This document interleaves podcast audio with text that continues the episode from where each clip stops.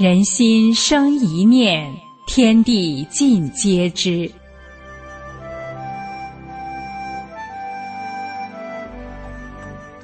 听众朋友您好，欢迎收听明慧广播电台的《善恶一念间》节目。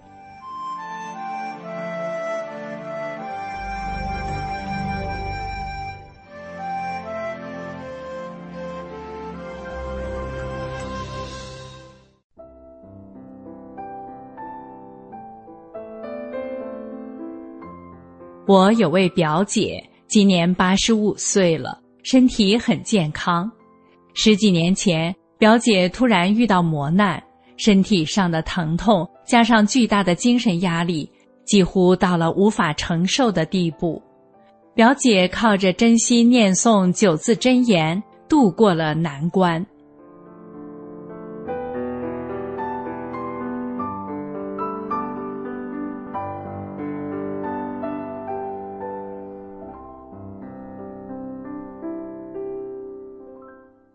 二零一一年，七十三岁的表姐早上出去锻炼，走着走着，突然左腿疼得不敢动，坐在地上。有位过路的人看到，问他怎么了，他说腿不敢动了。那人马上帮忙打电话通知他儿子，他儿子开车来把他送到骨科医院，经检查是左腿半角膜破了，掉下一块。正插在神经上，必须住院做手术拿出来。听到这个结论，表姐脑子嗡了一下，心里像堵了块砖头，喘不过气来。他儿子带他到更好的医院看看还有什么别的办法，结果两家医院都是同一方案，因他家有生病的丈夫和母亲需要照顾，这可怎么办呢？表姐有两位邻居得的也是这个病，手术后一个好了，一个躺在床上不能动。表姐想，动手术好了还行，万一下不来床，家里生病的母亲和自己的丈夫谁照顾呢？医生给开的药吃了也不管用，表姐拄上拐棍，忍受着剧痛。艰难地照顾着母亲和丈夫，承受的痛苦和思想压力无法用语言描述。正当他走投无路时，我去看望他们，看到表姐拄拐棍来开门，我一下子愣住了，问：“大姐，你怎么了？”她如实相告。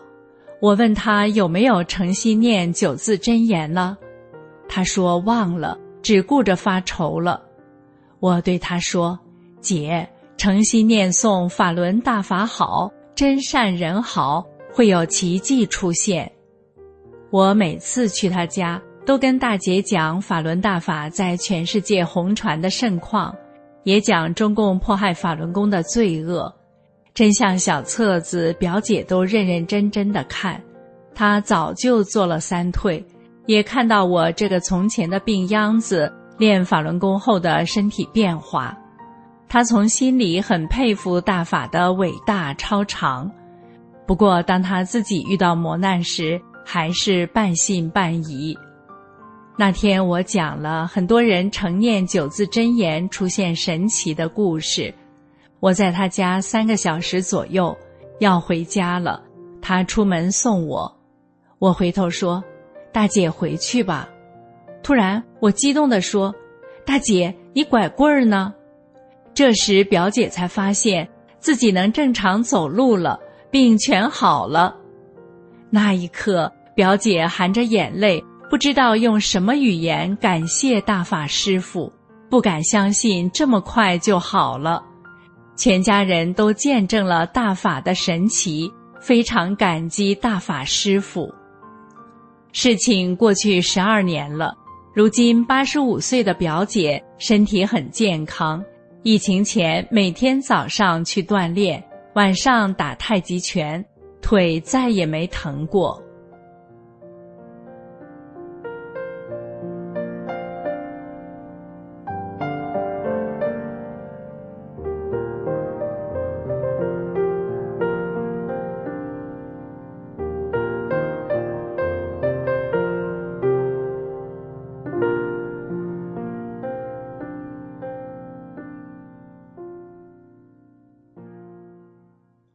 我的外甥女身上也发生过奇迹。外甥女怀孕三个多月时，有一天突然肚子痛的不能吃也不能喝了，去医院检查是尿道结石，马上住院治疗。我第三天知道这事，去医院看她，仅两天的时间，她被病痛折磨的瘦了一圈，眼睛无力睁开。连说话的力气都没有了。外甥女刚住院，大夫就告诉家属说：“一个激光，大人就不痛了；另一个办法是，病人蹦蹦跳跳也能把结石尿下来，但胎儿出事，医院不负责。”她婆婆很无奈，问我怎么办好。我说：“只要诚心念九字真言。”就会有奇迹出现。外甥女受中共抹黑法轮功的谎言欺骗，不相信法轮大法，也不听我给她讲法轮功真相。现在遇到磨难，没有什么其他的办法，于是接受了我的提议。我看她痛得没有力气说话，就告诉她：“你在心里诚心念就行。”大约过了半小时。外甥女要小便，我们一起走进厕所。她说听到痰盂有声音，站起来一看，痰盂里有两块像芦锈的碎片排出来了。她不痛了。在场的人都见证了大法的超常，全家人都非常感谢大法师父。婆婆回家后，把这神奇事告诉了她老伴儿。他老伴儿听后，马上跪在地上，给大法师父磕了三个响头，感谢大法师父的救命之恩。